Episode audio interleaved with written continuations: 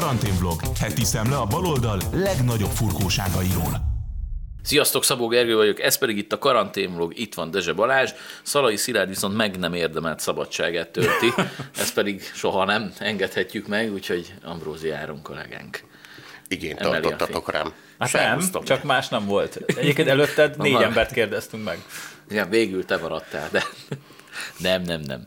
Ez nem így megy, Szilárd posztját csak úgy nem lehet betölteni, mert ő nagyon sokat beszél, és mindig nagyon érdekes szakértést tart, ami jókat szoktunk nevetni. Jó, de aki nincs itt, az mindig megszívja, úgyhogy rá is megyünk a furkóbbnál furkóbb témákra, és bemelegítésként egy, hát most nagyon sajnálom a rádió hallgatókat, mert ők nem látják azt a képet, ahogy karrieri, Brüsszelben a tartótiszteknél a csodás brüsszeli városházán feszített, de a kedves nézőknek viszont megmutatjuk, itt van velünk Karigeri, és ott van bizony Jávor Benedek is, aki az 50-es évek minden báját magára vette ezen a képen, és úgy mosolyog, mint egy kedves pártitkár. Na de végül is ez Budapestnek jó, nem? Vagy Aha. nem? Hát azt mondta Karácsony Gergely, hogy a szorgalmas lobbizásuknak köszönhetően hazahoztak Brüsszelből 300 milliárdot, amiben a bud- budapesti fejlesztéseket fognak csinálni. Azért ez nagyszerű fejlemény, mert eddig hát több mint négy éve polgármester, főpolgármester Karácsony Gergely is még a fejlesztés szót szerintem nem, nem, nem ejtette ki a száján. De igen, amikor Most az utolsó fél évben zajvédőfalat, eszébe jutott. Csinált például. De a képről magára, amikor ott a uniós tartótisztjei álltak ott mögöttük, elégedetten tekintettek a két nem annyira fiatal emberre, akkor rögtön az jutott eszembe, hogy Karácsony Gergely alkalmazott.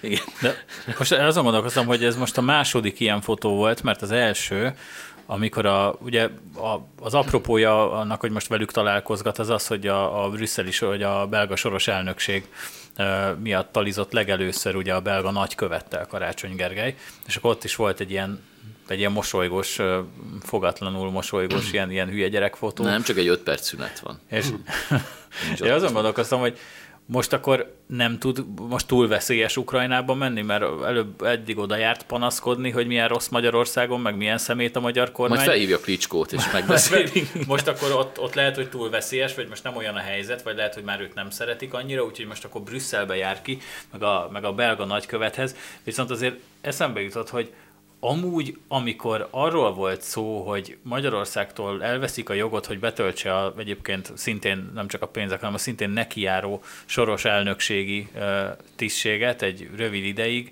akkor én nem hallottam azt, hogy Karácsony Gergely egyébként itt a soros elnökséggel kapcsolatban olyan lelkes lett volna, és úgy érdekelte volna a magyar program, meg hogy nem, nem hallottam Nem azt sem. a magyar szív. Igen, meg nem találkozott egyébként a kormány bizonyos tagjaival, és meg Orbán Viktorral, és nem fogott vele kezet, hogy akkor tekintsük át, hogy mi lesz a magyar soros elnökségnek a prioritása a, a, ebben, a, ebben a néhány hónapos időszakban, mert akkor Budapesttel együttműködve még hatékonyabban tudják majd ezeket véghez vinni. Érdekes, hogy amikor belga soros elnökség van, akkor azonnal meg akarja valósítani a belgáknak, vagy ez így fogalmazott, valami ilyesmi volt, hogy a, a belga soros elnökség prioritásairól, nem Budapest prioritásairól, a belga soros elnökség prioritásairól tárgyalt. Ez azért van, mert Karácsony Gergely most bármit csinál, már az újraválasztását tartja szem előtt. Hát meg EP képviselő Azért akar. és, elféripet és, is. és így emlékeztetnek titeket, hogy volt az a csodálatos kis ábrán térképen is megjelenített felmérés, amiből kijött az, hogy, hogy milyen az ident,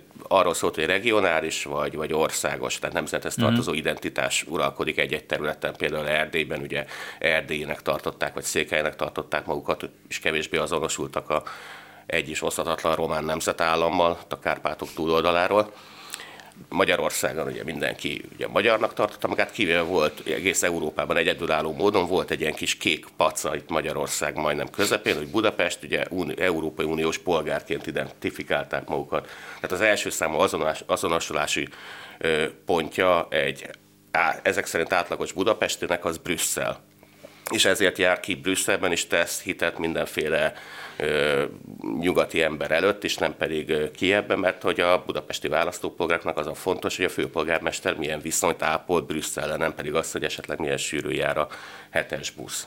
Lehet, hogy majd az Ál Klicskóval ezt meg tudja beszélni Karigeri. Milyen de- nyelven beszéltek? Ezzel Ezt, ezt akartam mondani pont, hogy, hogy így előttem volt, ahogy egyrészt így beköszönt flamandul, utána folytatta ilyen vallon tájszólásban, majd végül Mondd, hogy angolra. belgául, mondd ki, hogy belgául. Be- belgául, aztán végül így, így áttért a... Mi, milyen nyelven beszél, amikor ti angol. kérdezitek mikrofon alatt, Semmilyen ütődöttem vigyorog. Igen, de itt, itt azért többet kell produkálni, mint előttünk, mert oké, fölteszünk egy-két durva kérdést, de hát ott viszont el kell számolni, ott nem mondhatja azt, hogy bocs, nem érdekel. Ja, de annyi, annyi javítást, hogy ugye mondtad ezt a 300 milliárdot, de itt akkor épp nem azért volt ott, hanem a jogállamiságról diskuráltak. Tehát kimentek oda, De várjál, Karácsony Gergely Szóval- jogállamiság? Tehát, hogy Budapesten legyen jogállamiság? persze, Jogvárosiság? Vagy... jogvárosiság, ez milyen szépen hangzik. Jó, tudjuk, hogy városállamként tekint Ez Budapest. milyen izgalmasan hangzik. Tehát választani lehet, hogy kimegyünk egy Happy Meal menüre, egy Gyula bácsihoz, vagy egy szociológussal beszélgetünk a jogállamiságról. Melyiket választanátok? Jó, hát mi egyértelmű, hogy mit választanánk, de A szociológust. Igen, igen. Gyula bácsit nem, nem, semmiképpen sem. Viszont nekem azért az furcsa, hogy, hogy ö, kijár oda, és utána meg azt mondja, hogy mindent csak Budapestért.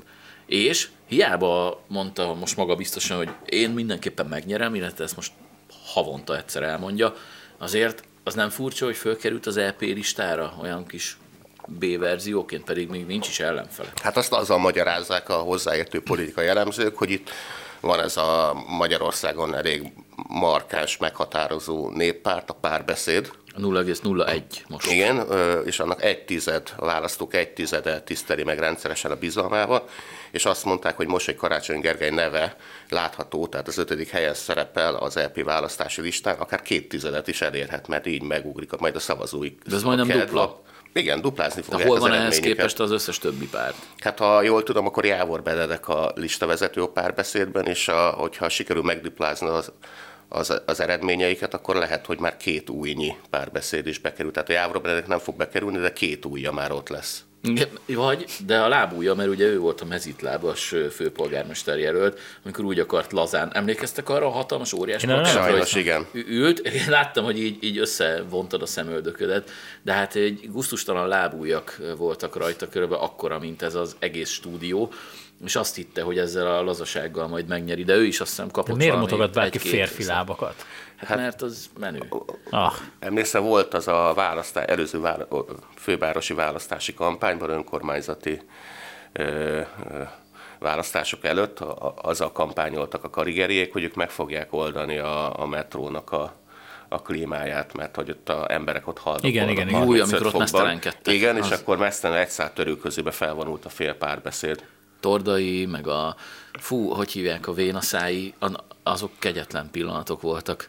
Igen, annál már kicsit jobb, amikor a szabad strandért küzdöttek a szabad strandokért, és akkor legalább fürdőruhában villantott ott a Szabó Timike. Igen, csak akkor gondolom éppen nem csúszott be a szennyvíz a Dunába, mert most már a Kis László meg nem szól az de a embereknek, metró még hogy jár amúgy egyáltalán? De lehet, hogy, úgy, lehet, hogy arra gondoltak, hogy úgy oldják meg a metró klíma problémáját, hogy nem fog járni a metró, és akkor nincs a megáll- mivel klímát tenni. Azóta annál a megállónál nem áll meg. Úgyhogy Az történt, hogy hogy nagyon dühösek voltak Tarlósra, amikor azt mondta, hogy ezek a régi orosz felújított szerelvényekben ebben nem lehet klímát szerelni, mert olyan a magassága. Azt mondták, hogy ez elfogadhatatlan az álláspont, megnyerték a, a fővárosi választást, majd azt mondták, hogy sajnos megoldhatatlan, hogy klímát szereljenek a metróba, mert ilyen a magassága.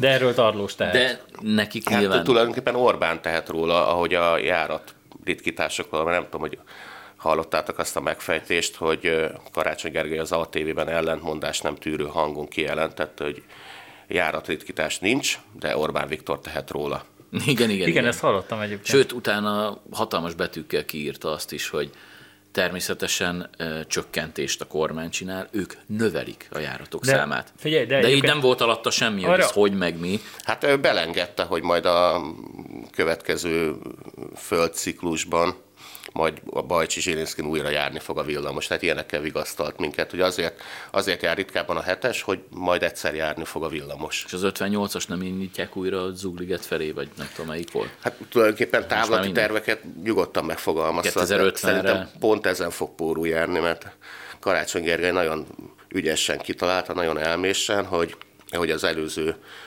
akkor országgyűlési választás volt, akkor, akkor próbálta, próbálta BKK először csődbe menni, és akkor nagy hangzatos kijelentéseket tesz, hogy inkább csődbe megy a város, csak a tömegközlekedéshez nem nyúl. Járatritkítás az nukó, az sosem lesz. Nem, a szolgáltatások megcsonk, a közszolgáltatások megcsonkítását emlegette, hogy azt, na, azt nem. Igen. És akkor az, azért Budapesten elég jó eredményeket hozott nekik az, hogy a Karácsony Gergely kb. két perceként bemondatta a hatos villamoson, hogy Orbán miatt rossz a, a villamos, és most ugyanezt a, ugyanezt a tömegközlekedés vagy közösségi közlekedési vitát próbálták felépíteni Lázár János hathatós közreműködésével, csak elfeledkeztek arról, hogy, a, hogy, a, hogy az ellenfele, ha jó fele fújnak a szélek, akkor Vitézi Dávid lesz. A Vitézi Dávidot meg azzal kéne támadni, hogy ő semmi máshoz nem ért, mint a közösségi közlekedés szervezéséhez. Tehát Garácsony Gergely egy óriási öngolt tapasztott, egy ilyen tokodi minőségű öngolt ragasztott a pipába azzal, hogy, hogy az egész választási kampány most Gyurica. a közösségi közlekedésről fog szólni. Jó, csak annyira furcsa, hogy lehet, hogy még ezzel is terve van, hogy, hogy hát ha még nagyobb áldozatként tudja feltüntetni magát, hogy még itt is megszivatják, pedig ő jót akar, és így vitézi. Nem megszivatják, közül... bántják. A jót szót használt igen. De amúgy most a Kis Ambrus talán 17-szer elismerte, hogy csődbe került a főváros, vagy legalábbis ott van a, a határán, billeg. És akkor így eszembe jutnak ezek az apró kis tételek, mint ha már Jávor Benedekről beszéltünk. 37 millió forintot kapott évente Budapest fővárosi irodája, Tarlós érában hopp, megnyerték, jött a kivéreztetés, és egyből a 37-ből 112 millió lett ha, ö, évente, tehát meg négyszerezték ezt a pénzt. Ez csak egyetlen apróság.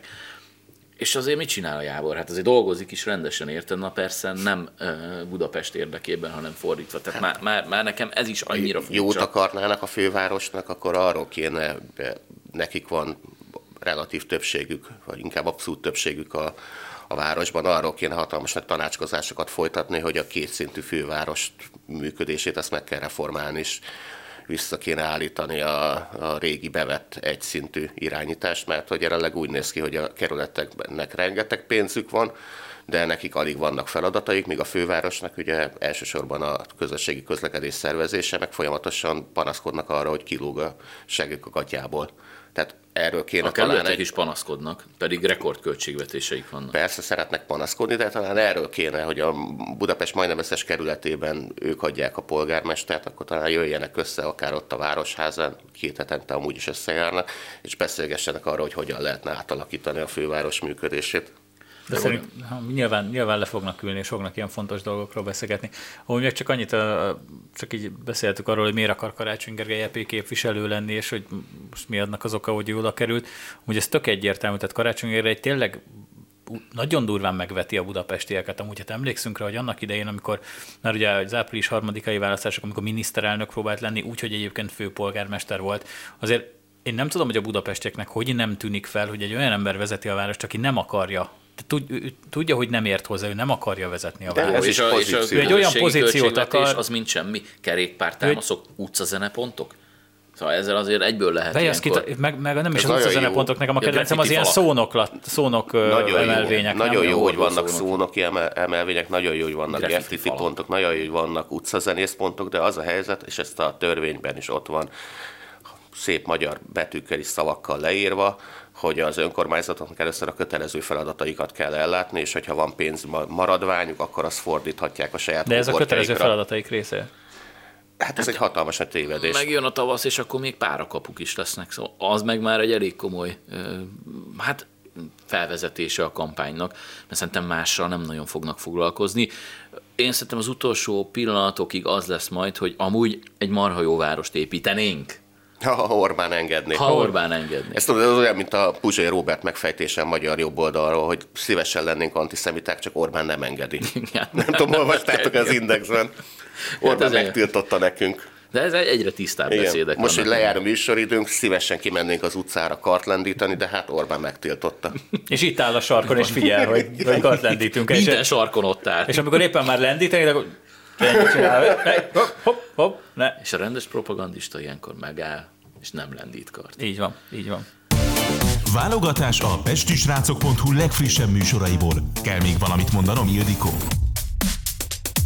No, hát azért, hogy a kedves nézők is értsék, hogy miért hívtak meg, bele kell csapjak a lecsóba. Azért majd utána az első kérdés után próbálok valami kronológiát tartani, hogy a, hm. hogy a mai nap történései Jó. veled, meg, meg tényleg az, hogy milyen artista családból indultál el világhódító útadra, de a világhódító út, engem ez nagyon érdekel, én ezt meséltem neked a Cirkusz Fesztiválon is, amikor együtt dolgoztunk, hogy néha nem értem meg, hogy te mit keresel itthon a Viktorral. Szóval a szeretetet, a magyarság tart itthon, mert ha valakinek meg lehet bocsájtani, például az, hogy, hogy egy kicsit így a külföldbe gondolkodik, mm. az például a ti produkciótok, vagy egy szobosztai Dominik, vagy, vagy érted? Tehát, Értem, hogy, hogy tart ez a sztoriót, ehhez képest farmba látlak, cirkuszfesztiválon látlak, itt látok, aminek én nagyon örülök, mert ez a világszintű Ripple mhm. Brothers, mm. ez, a, ez a miénk, itt Igen. fizikálisan is. No, de amikor mondta a Viktor a cirkuszfeszten, aztán átadom a szót, hogy jaj, de jó, hogy nem a Molerusba kell másodszor átöltözni, akkor így néztem, hogy jaj, de jó, Miért jó?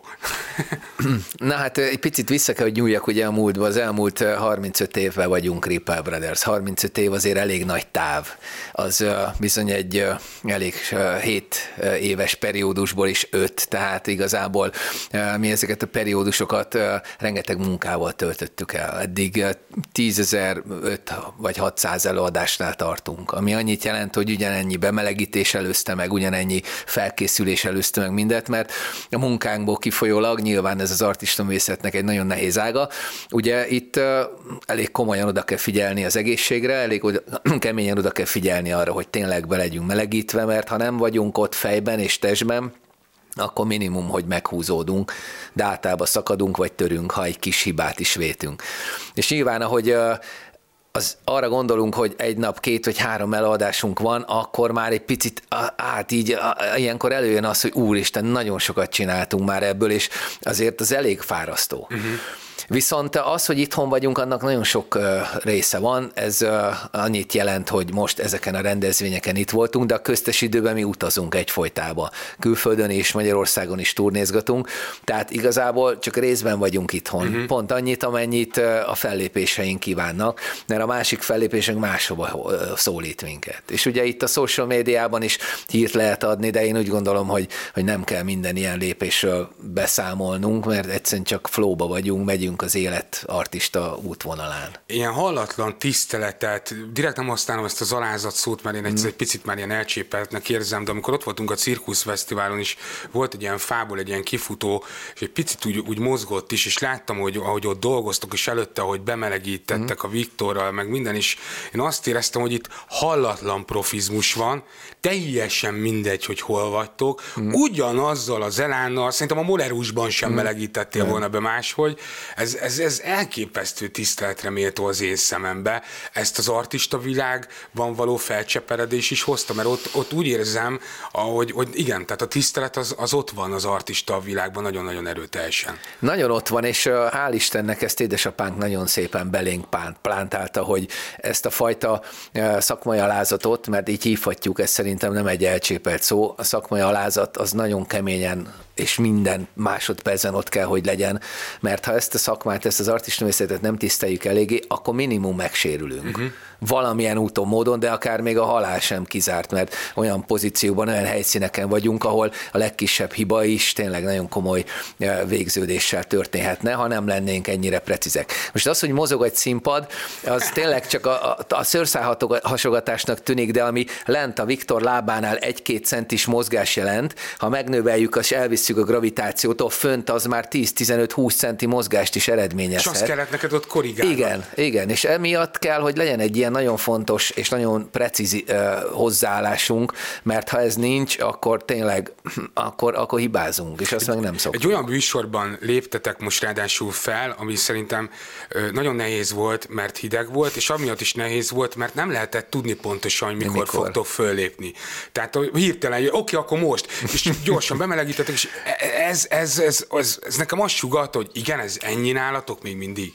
Improvizálás bele kell, hogy férjen. Aki nem rugalmas, az eltörik ebben a szakmában, és ez szerintem a sportolókra is jellemző. És abban a pillanatban, hogy láttam, mint rendező, hogy mondjuk volt egy, egy kicsit olyan pont, ahol, ahol éppen nem történt semmi olyan, akkor bedobtam a következő fellépőt, azok jelen esetben pont mi voltunk, és akkor ott nem volt sok lacafaca, a bemelegítés egy picit előtte megpróbáltuk meg megcsinálni, ha bár ilyen mínusz két, mínusz három fok volt aznap, és ugye a hideg nem a barátunk, tehát tudjuk, hogy hidegbe sportolni azért nem annyira kellemes, főként az izületeknek nem. Na hát ebből az lett, hogy óriási közönség siker, mert pont jókor, jól időzítve, egy jó zenével, egy jó választással és jó bemelegítve tudtunk érkezni a Viktorral. De hát amint mondtad, ez a fajta artista művészet, ez mindenhogy csodálatot kelt, mint ahogy benned is, pedig szakmai ember vagy, és láttál azért sok mindent az eladó művészeten belül, a cirkuszból, a boxon keresztül, mindenhol a szórakoztató iparba vagy, és azért ez még a mai napig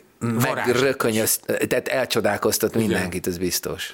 Ez a fajta, kicsit beszélünk a múltadról, mert azt látjuk, hogy, hogy mi van hmm. veled, meg nagyon jó a produkció a Viktorral, meg amikor elmész a farba, az is nagyon csípjük, tehát ez, ez tényleg így van, de amikor elkezdtem rólad olvasni, meg a tesódról is, hát azért itt mély gyökerei vannak annak, Abszolút. hogy ti uh, Ripper Brothers lettetek, hiszen Igen. nektek a szüleitek is uh, a cirkuszvilágában dolgoztak és éltek. Egy picit lehet erről tudni, mennyi így a nagy közönségre tartozik, hogy ti hol meg hogyan nőttetek fel a Viktorral? Abszolút, hiszen a közszereplők vagyunk, úgy érzem, hogy a, az artista művészetnek köszönhetően egy világszintű ismertséget szedtünk össze, és ezt a mai napig ápolgatjuk, és ezt úgy tudjuk ápolni, hogy a múlt tiszteletével. És a múltban pedig ott van édesapám és édesanyám, akik artisták voltak, felléptek évtizedeken keresztül a világ számos pontján, Hát abban az időben ugye kicsit nehezebb volt, mert akkor nem szocializmus, hanem kommunizmus volt még jelen, és ott nagyon nehéz volt utazniuk külföldre, de mégis sikerült. De nekik is volt egy saját műsorszám. A Trio Cortez produkcióval Trio dolgoztak, és ez egy ilyen akrobatikus, erőemelős produkció volt, tehát én édesapámtól ezt már a genetikából örököltem, a 23 kromoszóma haplóid sejtekből én ezt megörököltem a kézenás tudományát, és ezt ezt a, ezt a szépséget apu úgy magyarázta el nekünk, hogy nagyon sok gyakorlással, nagyon sok edzéssel nagyon ügyesek lehettek. És ezt az ügyességet a, a felhasználjátok, akkor úgy tudtok a világban utazni, fiaim,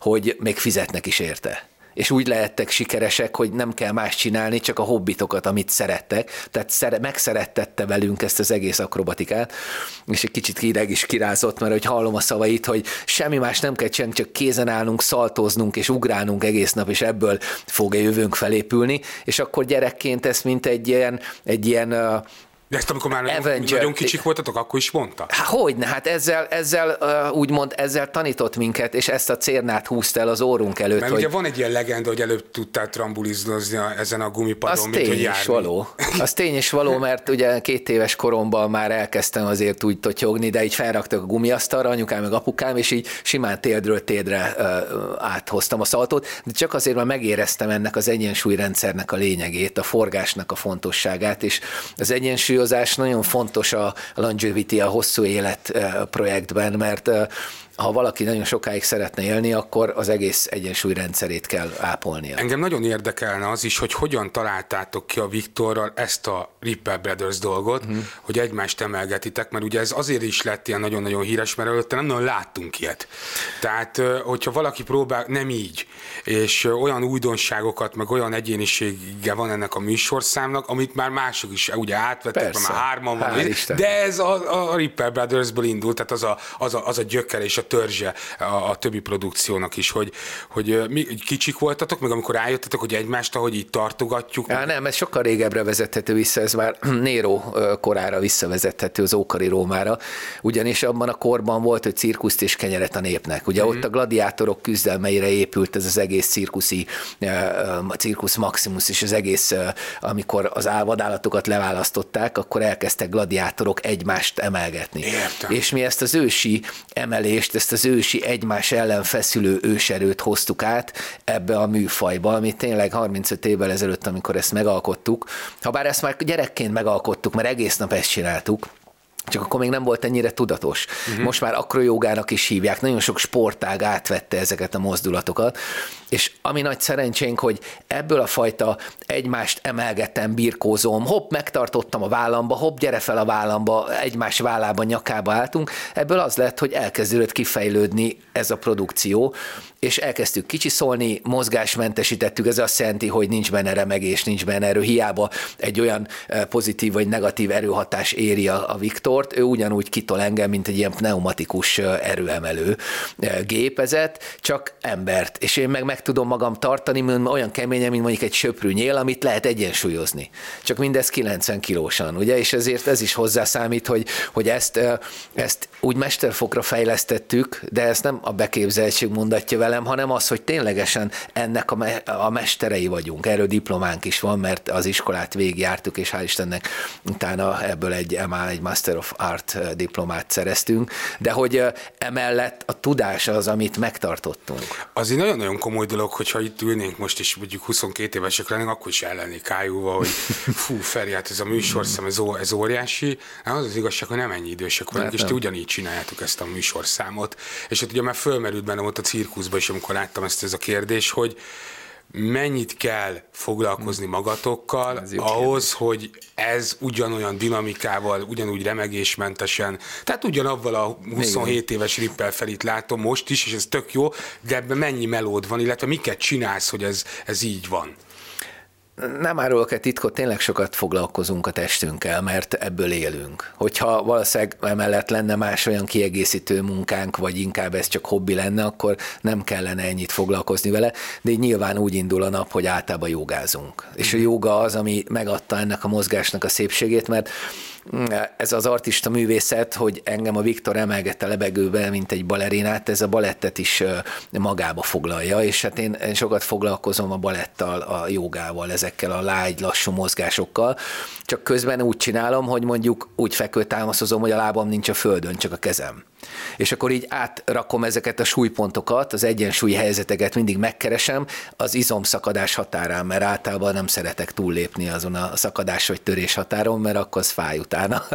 és akkor a, ezek a fajta mozgásokkal elindítjuk a napot, jön egy kis futás, mert ez egy nagyon hasznos dolog, ugye nem kergetés miatt, hanem hobbi szinten, és akkor egy ilyen napi 5 kilométer kocogás az általában jót tesz minden fejfájás, vagy kezdődő náthának, vagy bárminek, történnek, viszont az edzést és a napot általában úgy zárjuk, hogy van egy iskolánk, ahol úgy tanítunk, hogy ott gyakorolunk is, és magunkat is képezzük. Tehát így egy napra lebontva három ilyen komoly edzésünk van minden nap. És a táplálkozás? A táplálkozás az hozzáhangoltuk. Nagy nem lehet itt. Lehet, nagyon ritkán, és uh, igazából ez csak egy, egy uh, becsapása a szervezetnek, hogy miből viszi be az energiát. Mi általában ezt a ketogén diétát szeretjük nagyon, amiben nagyon sok pörkölt van, különböző kocsonyák, most hideg van, most kocsonya szezon, most azt teszünk, meg körömpörköltöt, meg mindenféle olyan finomságot, csak nyilván azokat a finomított szénhidrátokat megpróbáljuk elhagyni, ami, ami tohonyává lassúvá tesz. És az étkezésnek nagyon fontos az időzítés, mert a kézenállás előtt enni az elég badarság, hiába perisztartika a gyomor felé nyomja, fejen lefelé is tudok enni, de egyszerűen olyan súly nehezedik a tüdőmre, meg a, a szervezetemre, hogy inkább az étkezést így nagyon be kell pozícionálni. Nekem nagyon tetszett az, hogy amikor ilyen akrobatikus vagy, vagy artista produkciókat nézek, azért nagyon sokszor el vannak női esetben a férfiaknak a mozgása, amit nem kritikaként mondok, mert, mert valahol a produkció Persze. hozza. De nálatok valahogy ott is mondtam, emlékszel, hogy a macsó volt, tehát hogy férfias maradt, hogy ti, hogy ti erre, de hogy ti kifejezetten figyeltetek arra, hogy olyan szerelés legyen, olyan mozdulatokat tegyetek, ami, ami bár tényleg ilyen testhez álló ruhában vagytok, de hogy, hogy, hogy férfi maradjon a férfi, vagy ez, ez egyszerűen ti ilyenek vagytok? Próbálunk mindig a trendekkel kicsit együtt repülni, és nem akartunk megmaradni a 35 évvel ezelőtti Ripple Brothersnél, ilyen kis flitteres ruhánk volt Igen, még, meg ilyen aranyszínű, meg ilyen, ilyen tipikus régi cirkuszos ruháink voltak, hanem most egy kicsit így a szuperhíró felé mentünk el, hiszen most hideg is volt, be kellett öltözni, felvettünk egy ilyen, egy ilyen kis kezes lávas kosztümöt, ami az egyik ilyen, ilyen szuperhíró filmből mintáztuk, és onnan terveztük vettük magunkra. Nyilván jól jött, mert nem fáztunk, viszont az izmokat ugye mutatta, és az, hogy macsós, azt örülök, hogy ezt mondod, mert én már sokszor azt érzem, hogy túl balettos, hogy túl lágy, hogy én, én végzem ezeket a mozdulatokat, de közben attól a lágyságtól lesz ilyen nagyon kemény, mert az emberek Igen, látják. de nincsenek a mozdulatsoroknak a vége, nem nőiesedik el, nem. mint sok más ö, férfi artistánál. Meg nagyon összefűzzük a produkciónkat, és mi erről lettünk úgymond híresek, hogy egyszer a Viktor felemel engem, és utána 10 perc van lerak. Na most ez egy, ez egy jó mozdulatsor, 10 percig tartani, igen, viszont ebben az van, hogy nagyon-nagyon-nagyon-nagyon nehéz lélegezni közben. És akkor próbálunk olyan időket találni közben, ahol egy-egy ilyen félszippantásnyi levegőt be tudunk szívni a tüdőnkbe, mint amikor mondjuk valaki elkezd sorozni egy boxolás közben, és tényleg csak egy picit tudsz, na most ezt kellett végig megtanulni, és ebből kijött az, hogy folyamatosan egy kicsit így feszíteni kell magunkat, hogy a, a tüdőben lévő oxigén az mindig maximum legyen, hiszen ha elfogy a glikogén raktárból az erő, akkor ott mi is leeshetünk, csak nem hagyjuk, hogy elfogyjon. Na, egy utolsó nagy témám van még, Na. és ez is egyébként onnan a fesztiválról jött. Nagyon szimpatikus volt, hogy a különböző magyar cirkus családok, vállalkozások, Persze. stb. együtt, egy limuzinnal megérkeztek, egymás után ugye be kellett nekünk jelentenünk őket, és hát együtt bevonultak. Igen. És ott is lehetett érezni, most nem csak az összetartásról mm. szeretnék beszélni, igen, Nekünk ebben dinasztiáink vannak. Hogy nekünk, tehát ugye ez a magyar cirkusz most jelen pillanatban hova helyezzük el a, a világ térképen, mert itt most nekem úgy tűnt, hogy, hogy erősek vagyunk mi ebben nagyon. A magyar artisták már a kezdetektől fogva nagyon erősek. Csak sajnos azért nem nagyon hallottunk a magyar artistákról, mert a, a jó magyar artisták mindig külföldön vannak. Uh-huh. És nagyon nehéz úgy uh, uh, itthon is lenni, meg külföldön is, hogy mind a két karriert egyszerre tudjuk ápolni. Éppen ezért a jó magyar artisták ugye elmentek külföldre, dolgoznak Las Vegasban, a különböző varietékben, lokálokban, cirkuszokban, és nem tud Magyarországon lenni. Most Magyarországon hál' Istennek, és a világban is egy új trendváltás volt, ahogy az állatok, vadállatokat kivonták a cirkuszokból, és egy picit átment az egész a cirkusz a színház felé, uh-huh. illetve az egyéni erő és az egyéni tudás megmutatásáról szól. Mindenki egy kicsit a saját példáját is hozza be, mert nagyon sokat edzünk. Nekünk órákat kell gyakorolni ahhoz, hogy egy 10 másodperces rész meglegyen a 10 percből. De amikor most jöttek be a menő kínaiak, Igen. meg mexikóiak, meg stb., akkor amikor jönnek be a magyarok, akkor mi ugyanazon a színvonalon mozgunk? Mint ezt, mi? ezt én nem tudom megítélni, azt tudom, hogy a mai napig a magyar artisták azok a csúcskategóriába Csúcs tartoznak.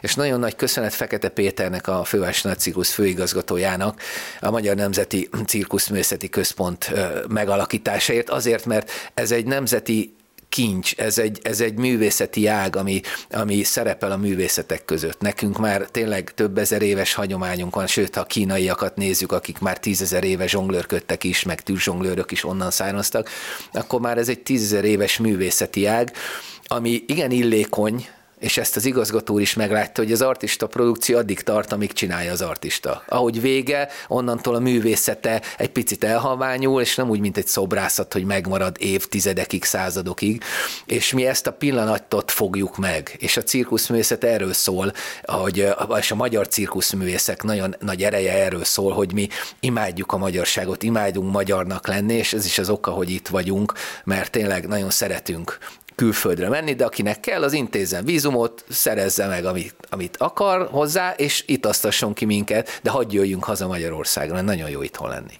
Legyen ez a végszó, nagyon no, szépen köszönöm. köszönöm. ez egy tényleg egy csodálatos gondolat volt. Rippel Ferencet láthattuk, hallhattuk, ez volt már a küzdőtér, folytatjuk majd a jövő héten. Viszlát, szevasztok! Viszlát, sziasztok! Engedje be Dezse Balást az életébe. Dezsevű. Kifejtettem már ezerszer, hogy mit gondolok az egyre vókabb videójátékokról, viszont soha nem néztünk igazán a dolgok mélyére. Szóval van ez a Sweet Baby nevű cég, amiről tuti, hogy nem hallottatok annyira sokan, ennek egyébként nagyon határozott oka van, és erre is mindjárt kitérünk. Szóval ennek a cégnek az a feladata, hogy amikor egy videójátékot gyártó cég megír egy történetet, kitalál valamit, valamit nagyon meg akar valósítani, amit mondjuk a já- amit játék formájában piacra is akar majd a későbbiekben dobni, akkor fogja az ötletet, elviszi ennek a Sweet Baby Incorporation nevű cégnek, akik természetesen busás pénzekért cserébe kiegészít frissítik, átalakítják, újraírják, vagy éppen kiszínesítik az alkotók által megálmodott projektet úgy, hogy az megfelelően vók legyen, és mindenki azonosolni tudjon vele, vagyis magyarra fordítva legyen benne elég. Homoszexuális, színesbőrű helyenként tartalmazon transzneműeket, legyen benne hős, elnyomott, és semmiképpen se legyen túl reprezentálva benne a fehér ember, és főleg ne az mentse majd meg a végén a világot, mármint lehetőleg ne, vagy annyira ne. És most azt gondoljátok, hogy egy kicsit túlzok, pedig egyáltalán nem, tényleg erről van szó. A videójátékokat gyártó cégek minden alkalommal elfogadják ezeket a módosításokat, amit a Sweet Baby Incorporation javasol nekik, A cégek fizetnek, megköszönik, és nagyon büszkék rá, hogy a partnereik között tudhatják ezt a neves és nagyon rejtélyes céget. A cég egyébként természetesen leellenőrizhető, nem én találom ki, létezik, és így mutatják be saját magukat. A 2018-ban alapított Sweet Baby Incorporation egy narratíva fejlesztő és konzultációs stúdió Montreali székhelyjel, amely szerte a világon működik. Küldetésünk, hogy jobb és empatikusabb történeteket meséljünk el, miközben diversifikáljuk és gazdagítjuk a videójáték ipart. Célunk, hogy mindenki számára vonzóbbá, szórakoztatóbbá, tartalmasabbá és befogadóbbá tegyük a játékokat. Ezt írják, és pontosan tudjuk, hogy ez mit jelent. Szóval, hogyha, mint említettem, valószínűleg nem hallottatok még annyira erről a cégről, és hogyha nem hallottatok róla, akkor ennek egyetlen egy oka van, mégpedig az, hogy a Sweet Baby Incorporation nem szeret a Rivalda fényben lenni, de talán még az árnyékban sem annyira leginkább csak bujkálni és rejtőzködni szeret. Utána jártam bizonyos gamer youtuberek csatornáin, és erről szóló videókban azt láttam, ugyanis sokan panaszkodnak emiatt, hogy amint megemlítették bizonyos videójékban a Sweet Baby Incorporation-t, azokat a videókat és felhasználókat letiltották, utánuk nyúltak a YouTube-on keresztül, de felmerül a kérdés, hogy vajon miért nem büszkék arra, amit csinálnak. Talk about it. Here's the thing. They want good attention. If you talk about it on Twitter, they will block you. I did one tweet saying, I am just bookmarking. There's our tweet. All I said was this because I didn't want to talk about it because it is pretty political. All I said is following them just so I know what games not to play they blocked me. And wow. then our buddies Kendon in the chat, he got blocked just for liking this tweet. Sőt, a cég annyira titkolja a működését, hogy a közösségi médiában is csak azok láthatják a posztjaikat, akiket egy ilyen többkörös szűrés után ők elfogadnak, mint követőt. Ezt ti magatok is egyébként megnézhetitek, ha felmentek a Twitter, bocsánat, X oldalukra például, nem fogtok látni semmit. Ja, ennyit az átláthatóságról. Ha most bárkiben felmerült a kérdés, hogy hogyan van egy ilyen rejtélyes és gyanús sédi vállalatnak egyáltalán bármilyen egy létjogosultsága, és ki az a hülye, aki a saját sztoriával, karakterével, szellemi termékével hozzájuk fordul, vagy esetleg nem furcsa, hogy miért nem tudja egy adott cég a saját maga a megfelelő mennyiségű, vagyis a kötelező mennyiségű vók elemmel ellátni a saját játékait? Na most figyelj, ennek is oka van, és nagyon durva. A Sweet Baby Incorporation egy olyan hatalmas presztízsű cég a titkolózás ellenére, akik a világ legnagyobb játékgyártóit és stúdióit tudhatnak, tudhatják maga mögött, illetve maguk alatt. Ügyfelei közé tartozik például az Electronic Arts, a Microsoft, az Ubisoft, az Xbox Studios, a Warner Brothers, a Rocksteady vagy a 2K. És ezek csak az ismertebbek, a honlapon még jó pár fent van, és egy csomó egyébként nincsen fent, mert nem mindenki szeretné, hogyha az együttműködés kitudódna. Olyan produkciókban van a cégnek mélyen benne a kezem, mint a God of War Ragnarök, vagy a Spider-Man sorozat, csak hogy nagyon ismert dolgokat említsek. Tudjátok, a Spider-Man például az, amik tele van szivárványos zászlókkal. De tulajdonképpen nem is ez a lényeg, hanem hogy miért. Nagyon fontosak itt a miértek.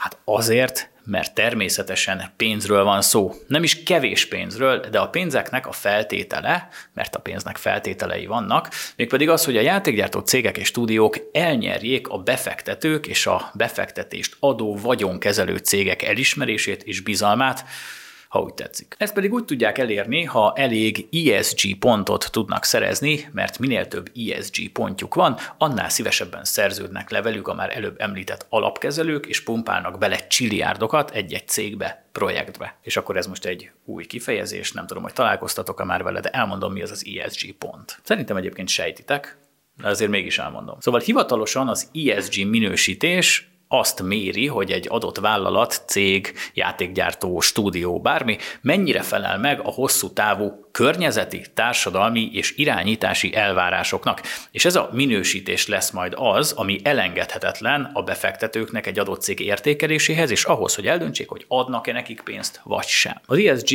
annak a rövidítése egyébként, hogy Environmental, Social and Governance, vagyis elvileg ugye a környezetvédelmi dolgok, a szociális ügyek és ugye az irányítás, mint már említettem. Ezek a pontszámok egyébként jellemzően 0-tól 100-ig terjedhetnek, az 50-nél kisebb pontszámot viszonylag gyengének szokták megítélni, a 70-nél nagyobb pont pontszámot pedig elfogadhatónak, az ennél magasabbakat pedig jónak. És jól sejti az, aki azt gondolja, hogy itt leginkább ez a S betű, vagyis a szociális ügyek tulajdonképpen a lényeg. Na persze az is fontos nyilván, hogy egy cég mekkora karbonlábnyomot hagy maga után, de nyilván fontosabb, hogy hány transznemű dolgozik a cégnél, hány transznemű karakter van a játékokban, mennyire inkluzív, van-e a főhősök között fekete, mennyire gyenge a fehér ember jelenléte benne, stb.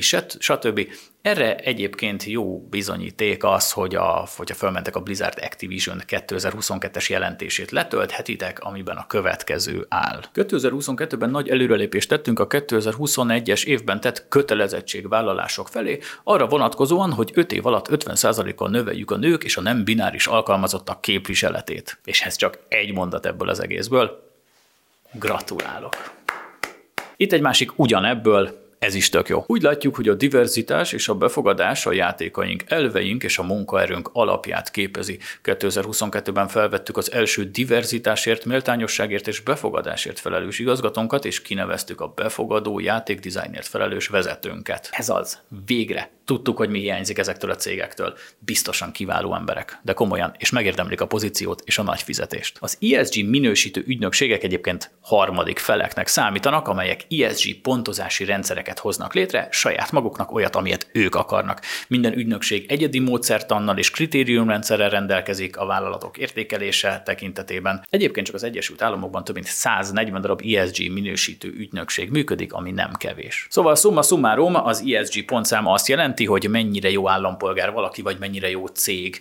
Olyan az egész egy kicsit, mint Kínában a social credit system, vagy amikor az ember tőle elveszik a szavazati jogot, hogyha szidja a kormányt, hogy nem fizeti be időben a villanyszámláját. És kinézi ezt az ESG-t, kinek fontos, ez kiadja a pénzt, és itt bejön még egy játékos a képbe, mondtam, hogy sok info lesz. Itt van például a BlackRock, a világ legnagyobb vagyonkezelő cége, amely zászlós hajója annak a trendnek, hogy az ESG pontszám alapján kell megítélni, hogy valaki érdemese arra, hogy befektessenek nála. Ez a cég több billió, nem millió, meg milliárd, több billió dollárnyi vagyont kezel a magánszemélyek és intézmények számára világszerte. Billió vagy billiárd, nem is tudom, de nagyon nagyok, nagyon durva, fel se tudjátok fog. 2020-ban egyébként a BlackRock azt jelentette be, hogy a továbbiakban nem fektet be olyan vállalatokba, amelyek diszkriminálják a transznemű embereket.